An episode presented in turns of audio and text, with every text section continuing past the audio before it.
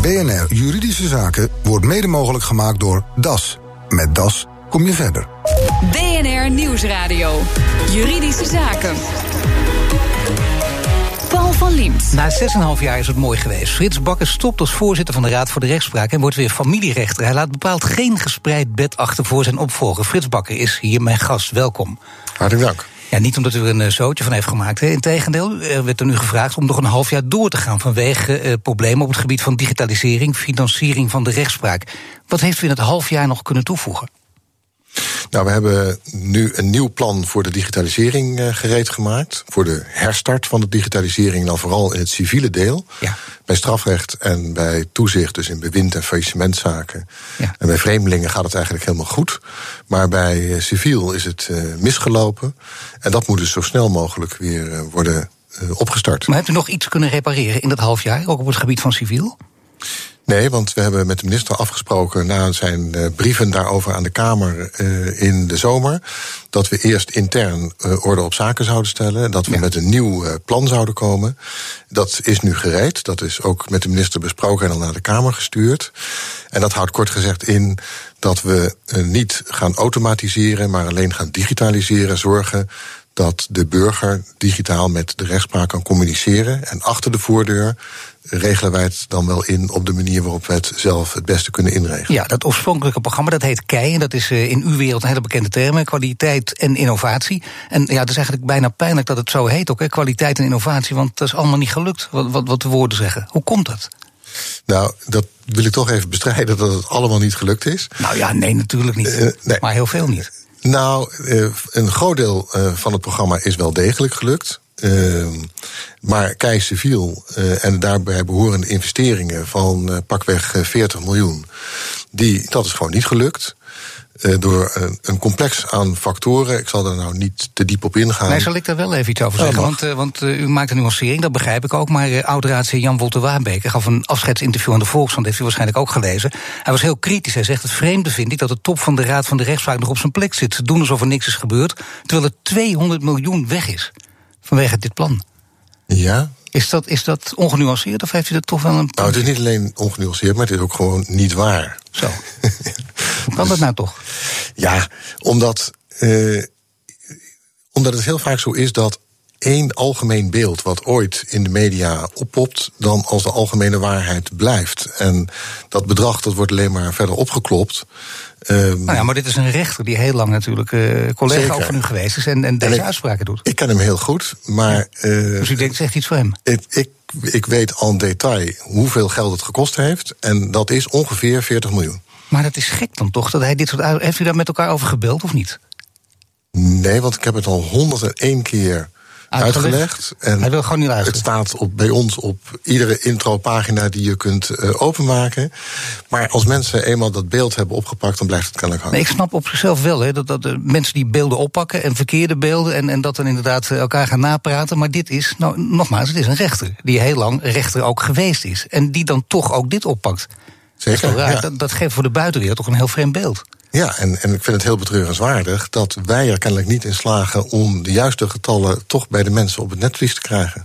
Maar uh, in de nieuwe plannen gaat het beter. Het moet veel beter gaan. Wat moet er vooral beter? U heeft al een paar dingen aangegeven. Maar wat zou er, als het aan u ligt, wat moet er echt beter?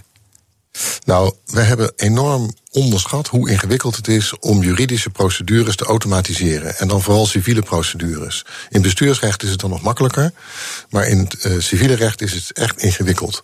Dus wat we gaan doen is uh, zorgen dat de burger uh, er geen last van heeft dat wij dat zo ingewikkeld kunnen automatiseren. Ja. Dus de burger die moet gewoon digitaal met ons kunnen schakelen. Nou, dat vindt de burger fijn, maar ik moet Zeker. daarbij zeggen dat in het veld veel partijen ook niet kunnen wachten. We spraken vorige week, ook in dit programma, Juridische Zaken, hadden we het over digitalisering. En Wilbert van der Donk van de Koninklijke Beroepsorganisatie van Gerechtsdeurwaarders, die had een vraag voor u. Of de rechtspraak in staat is om de regie te houden over de verschillende initiatieven die er nu zijn. En op zich allemaal lovenswaardige initiatieven vanuit de verschillende rechtbanken om een bijdrage te leveren aan de, aan de schuldenproblematiek. We zien mooie initiatieven, maar we zien re geen regie. Ja, en ik zou hem toch zeker vragen of hij zijn opvolger uh, in staat wil stellen om de digitalisering nu echt een, een boost te geven. Ja, digitalisering echt een boost geven en de regie in handen nemen. Gaat het allemaal lukken? Nou ja, ik heb daar hele goede hoop op. We hebben het afgelopen half jaar, zoals ik net al uh, zei, uh, geprobeerd de herstart helemaal in de stijgers te zetten. Daar zijn ook weer allerlei reviews op gehouden. Het ziet er allemaal goed uit. Dus als het goed is, uh, moet mijn opvolger in staat zijn om dat nu keurig volgens de regels der kunst uit te rollen. Of volgens Henk Navis, acht u hem daartoe in staat? Absoluut. Ja. Dat dacht ik al. Ja. ja. En dan uw collega Erik Boerma, die is rechter, was het in Breda, is nu in Den Bosch. Heeft ook veel met digitalisering te maken gehad. Die wilde ook iets aan u voorleggen.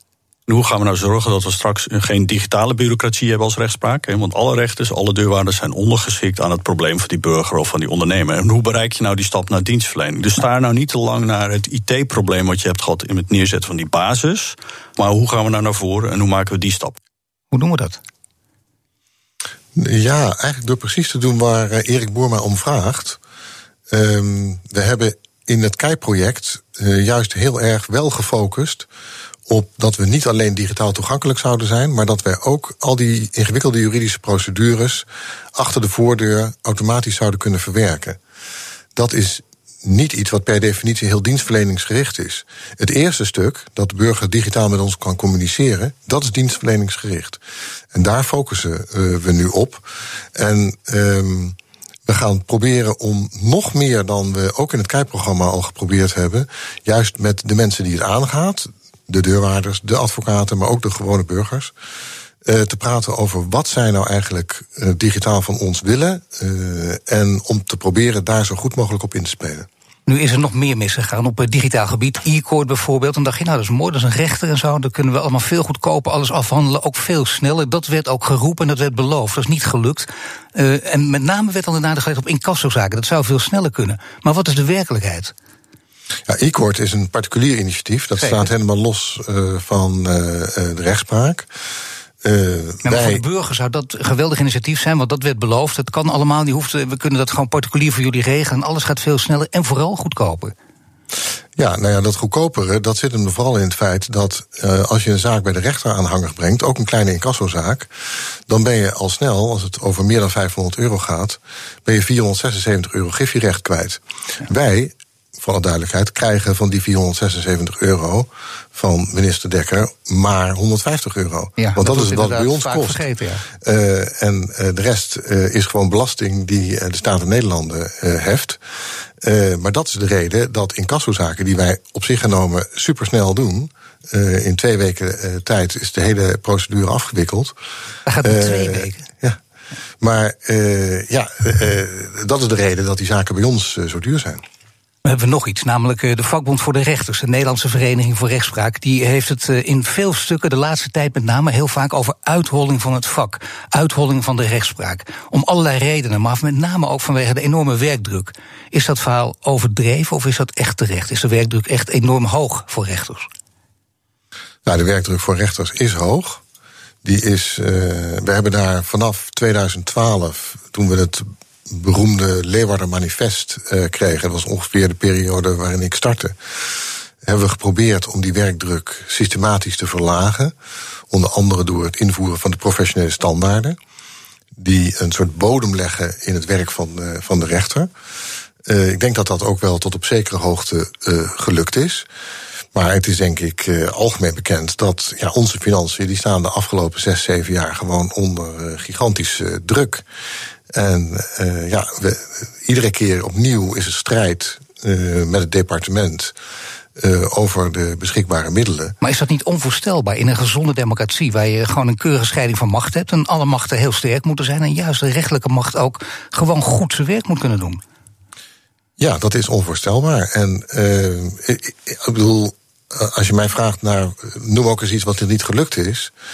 Uh, ook al gaan wij er niet over. Maar, wat ik, maar wat, ik, wat ik bijna heel, wat ik, wat ik heel erg spijtig vind dat niet gelukt is, is uh, dat uh, initiatief wat een aantal partijen in de Kamer hadden genomen om te zorgen dat wij een aparte begroting kregen. Een zogenaamde niet-departementale begroting. Ja. Zodat we niet hoeven te concurreren met de politieauto's en de gevangenissen. Ja, dat is niet gelukt. En dat komt misschien wel omdat u, en dat, ik citeer de heer Waarbeker weer, uh, dat u een verlengstuk bent geworden, althans uw raad, uh, van het ministerie van Justitie en Veiligheid. Hij zegt het ministerie bepaalt uiteindelijk het geld en bepaalt de benoemingen, het doet eigenlijk alles. Heeft u daar wel gelijk in dan? Nou, wat de benoemingen betreft niet. Dat hebben we met een heel ingewikkeld systeem keurig ingeregeld, uh, zodat zowel de rechtspraak uh, als de minister allebei een vetorecht hebben. Dus het, ergste wat er kan gebeuren is dat we in een padstelling komen. Maar de minister kan nooit een benoeming doordrukken. Maar qua geld, ja, daar heeft hij wel gelijk in. Uh, wij zijn onderdeel van de begroting uh, van uh, justitie en veiligheid. We hebben weliswaar, zoals het heet, een apart begrotingshoofdstuk. Dus dat betekent dat de Kamer, die kan uiteindelijk bij de behandeling van de begrotingswet wel degelijk uh, afwijken van wat de minister uh, voorstelt. Maar ja, als wij niet de politieke steun hebben, en in de praktijk is het natuurlijk in Nederland zo dat er een, een coalitie is met een regeerakkoord en dat daar niet vanaf wordt geweken, ja, dan betekent het dat je afhankelijk bent van de politieke keuzes van de minister. Ja, en dat kan uiteindelijk toch juist niet waar zijn in, in een driedeling van macht. In, ja, in een land met een driedeling van macht. Ja, het is wel waar. Ja, dat is waar. Maar ik zeg dat zou dus niet moeten kunnen. Dat zou anders moeten. Daar zijn we het helemaal over eens. Ja, en ja. dat is niet gelukt en dat gaat ook nooit lukken? Nou, het is he gewoon heel ingewikkeld. Het, het beetje bizarre is natuurlijk dat destijds uh, toen. Uh, ik bedoel, mag ik even, wij zijn het ja? allebei over eens. Het is ook echt iets om je behoorlijk over op te winden. Juist ook als, als het gaat over hoe een rechtsstaat zou moeten functioneren. Ja, maar je ziet dus, ook hoe de politiek functioneert. Toen, uh, de rechters gaan niet de straat op. Toen Van Nispen het amendement indiende om de comptabiliteitswet 2016. Ja. om te zorgen dat wij een eigen begroting zouden krijgen. Toen werd dat onder andere gesteund door D66 en de ChristenUnie. En uh, ja, een jaar later, omdat het amendement was afgewezen door toenmalig uh, coalitie uh, VVD en PvdA, ja. uh, probeert Van Nisbet met de initiatiefwet opnieuw. en denkt dan waarschijnlijk, nou, dan zullen D66 en de ChristenUnie daar wel voor stemmen. Uh, maar ja, ik, ken ook de politieke realiteit. Zij zitten intussen in een andere coalitie. Dus moet je stevige middelen nemen. Dus de, ja. rechters, met, de rechters met gele hesjes de straat op. Eén keer gek doen. Ja, met gele toga's. Ja, nee, ja, dat, zou, nee, dat is dus niet van de rechter. Dat, dat doen wij gewoon niet. Is schikken zonder inmenging van de rechter is dat veel beter? Dat hoort u zo van Frits Bakker. BNR Nieuwsradio. BNR Juridische Zaken.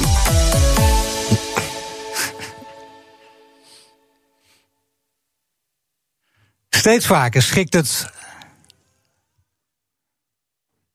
Steeds vaker schikt het Openbaar Ministerie in strafzaken. Maar er is ook een aantal megaschikkingen geweest, zoals met ING. Een rechter komt er dan niet aan te pas. Frits Bakker, nog net voorzitter van de Raad voor de Rechtspraak. U pleit er juist voor dat er altijd een rechter aan te pas komt. En de kerstmuziek mag van mijn koptelefoon, jongens, want die staat heel hard. U heeft dat ook of niet, nee, meneer Bakker? Nee. U mag gewoon reageren. Ja. U pleit ervoor dat er altijd een rechter aan te pas komt? Ja, klopt. En uh, dat is niet omdat wij uh, denken dat het uh, Openbaar Ministerie dit niet op een uh, juiste en gewetensvolle manier behandelt. Maar omdat wij vinden dat in een democratische rechtsstaat dit soort grote zaken moeten worden voorgelegd aan de rechter. Zo hebben we het ingeregeld in Nederland. We hebben een openbaar strafproces waarin de burger precies kan volgen uh, wat er in de zaak te lasten wordt gelegd, wat voor bewijs er is, uh, wat de verdachte uh, ervan vond. En dan komt er uiteindelijk een, een requisitor van een officier, een pleidooi en uiteindelijk een uitspraak van de rechter. En dan kan iedereen zijn eigen mind opmaken of het recht hier op een juiste manier is toegepast. Maar nu betekent het wel dat, uh, je kunt ook zeggen, megaschikkingen, ja, die komen bijna nooit voor. Dus je kunt zeggen, nou ja, goed, uh, dat, dat hoeft niet per se. Soms kan het effectiever zijn om het uh, toch gewoon aan het OM over te laten. Wij zijn er helemaal niet tegen dat er geschikt wordt. megaschikkingen komen overigens best wel voor. de afgelopen jaren zijn er een aantal echt hele grote geweest. Maar er zijn er natuurlijk ook die best wel iets kleiner zijn, maar nog steeds om, uh, om, miljoenen Ja, maar in gaan. totaal zijn het er niet zoveel. Nee, er zijn in totaal, in totaal minder dan tien. Ja, dat, nogmaals, hangt er vanaf waar je de grens precies Zeker. legt. Uh, maar het zijn zaken die enorm veel ophef veroorzaken in de maatschappij. En juist in die zaken is het van groot belang dat, er, uh, dat de burger kan volgen wat er gebeurd is. Als ik het ter vergelijking, stel je voor dat het Openbaar Ministerie even uh, een, een grote strafzaak tegen een bende zou schikken. ja, dat zou niet begrepen worden in de maatschappij. Nee het OM uh, kan het uiteindelijk minder goed dan een rechter. Het uh, NRC heeft het Openbaar Ministerie bij zijn schikking ook heel veel fouten maakt. Herkent u dat beeld? Nou, dat is voor ons bij de megaschikkingen uh, niet in te zien, want ja, die zaken worden niet aan ons voorgelegd. Dus bij de kleinere strafbeschikkingen, daar is onderzoek gedaan. en daar komt een foutpercentage uit.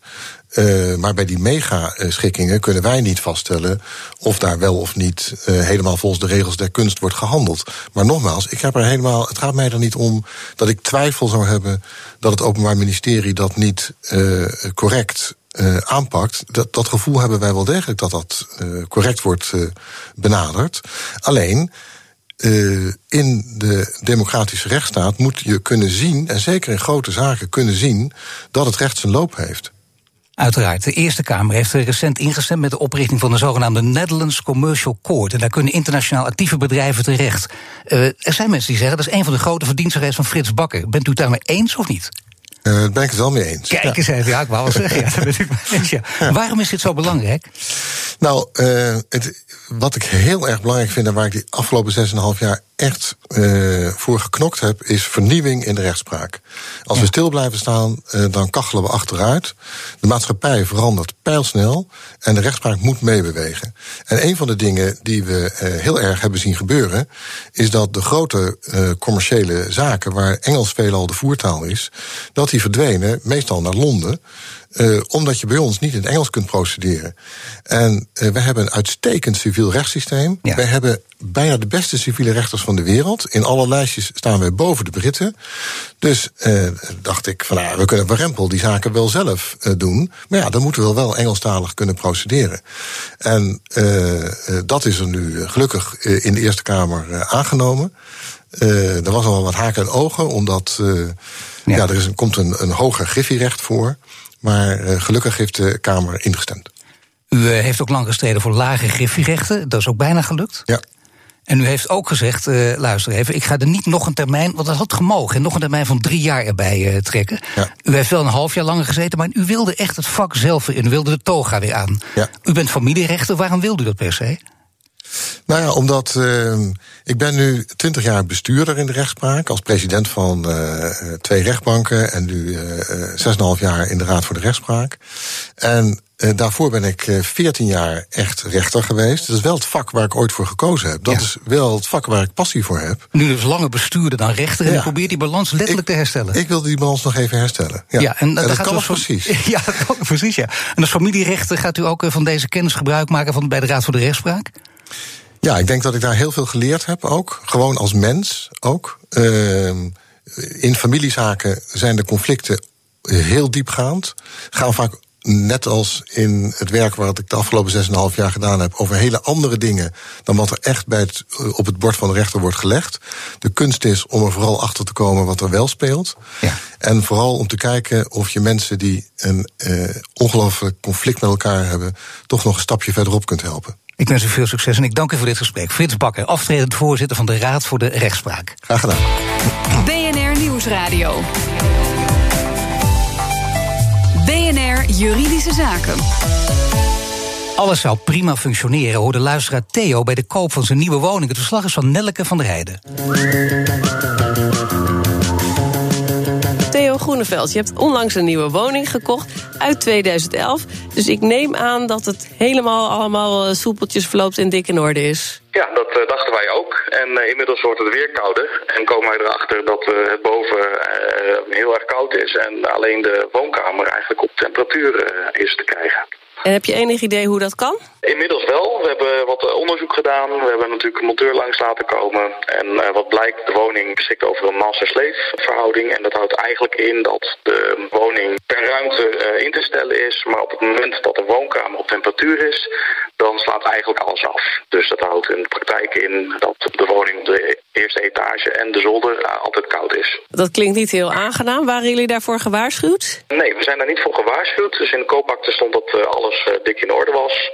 Maar ja, na gesprekken met uh, de buurt en uh, ook de installatiemonteur blijkt dat de verkopers wel een klacht in hebben gediend. En ook een, voor de verkoop een offerte hebben laten maken om de situatie hier te herstellen. Uiteindelijk hebben ze dit niet uitgevoerd en ja, zijn wij er ook niet van op de hoogte gesteld toen wij de woning kochten. Hm, dat klinkt niet zo netjes. Heb je ze er al op aangesproken? Ja, ik heb ze natuurlijk uh, gebeld. Ik ben even langs geweest. Ik heb geprobeerd om het eerst met, uh, met elkaar op te lossen. Maar zij waren van mening dat uh, de woning gewoon zo hoort te zijn. Dat het de functionaliteit van de woning is. En um, nou, wij zijn van mening natuurlijk dat zij daarvan al van op de hoogte waren. En dat ze het ons in ieder geval even hadden moeten melden. Dus nou, daar liggen we nog heel ver uit elkaar. dus ja, ik ben even benieuwd wie hierin gelijk heeft. Mark van Weren van Blenheim Advocaten. Theo krijgt het boven niet echt uh, lekker warm. En hij vindt dat de verkoper daar eigenlijk verantwoordelijk voor is. Kan dat kloppen? Nou, ik begrijp dat de verkoper al problemen had. En daar ook al over geklaagd heeft bij de beheerder van het systeem. Dus die verkoper had het wel moeten melden. En omdat hij dat niet gedaan heeft, heeft hij wel in strijd gehandeld met zijn mededelingsplicht. Dat klopt. En kan hij daar ook wat mee? Nou, dat, dat is de vraag. Want uh, als het een collectief systeem is, dan kan je daar als eigenaar zelf niet aan werken. Dan ben je afhankelijk van het installatiebedrijf dat dat beheert. En als het systeem niet goed werkt, dan moet die beheerder dat dus oplossen. Dus juridisch betekent dat dat als het een gebrek is, dat het niet toerekenbaar is aan de verkoper. En dan kan je bijvoorbeeld als koper geen, geen schadevergoeding vorderen of iets dergelijks. Dus wat kan Theo nu het beste doen? Theo die moet uh, even vaststellen dat het inderdaad een probleem is van het collectieve systeem. En dan moet hij de beheerder die daar verantwoordelijk voor is, die moet hij daarop aanspreken. En als uit die offerte die al is aangevraagd blijkt dat hij het zelf zou kunnen oplossen? Ja, als uit die offerte die die verkoper heeft aangevraagd blijkt dat de verkoper het wel zelf had kunnen oplossen, dan heb je wel een aanspraak op die verkoper en had hij dat zeker moeten melden. En moet hij dat ook betalen? Ja, dan zou je schadevergoeding kunnen vorderen. En als blijkt dat het toch aan de beheerder is, kan dat dan hoge kosten voor Theo betekenen? Nou, in beginsel betaal je voor zo'n systeem servicekosten. En als er problemen zijn met het systeem, dan moet de beheerder het oplossen. En zijn die kosten voor rekening van de beheerder. En dat zegt Mark van Weer in het verslag van Nelke van der Heijden. Heeft u ook een juridische vraag? Mail mij juridischezaken.bnr.nl. En dit was de uitzending voor vandaag. U kunt de show terugluisteren via de site, de app, iTunes of Spotify. Mijn naam is Paul van Diemt. Tot de volgende zitting. BNR Juridische Zaken wordt mede mogelijk gemaakt door DAS. Met DAS kom je verder.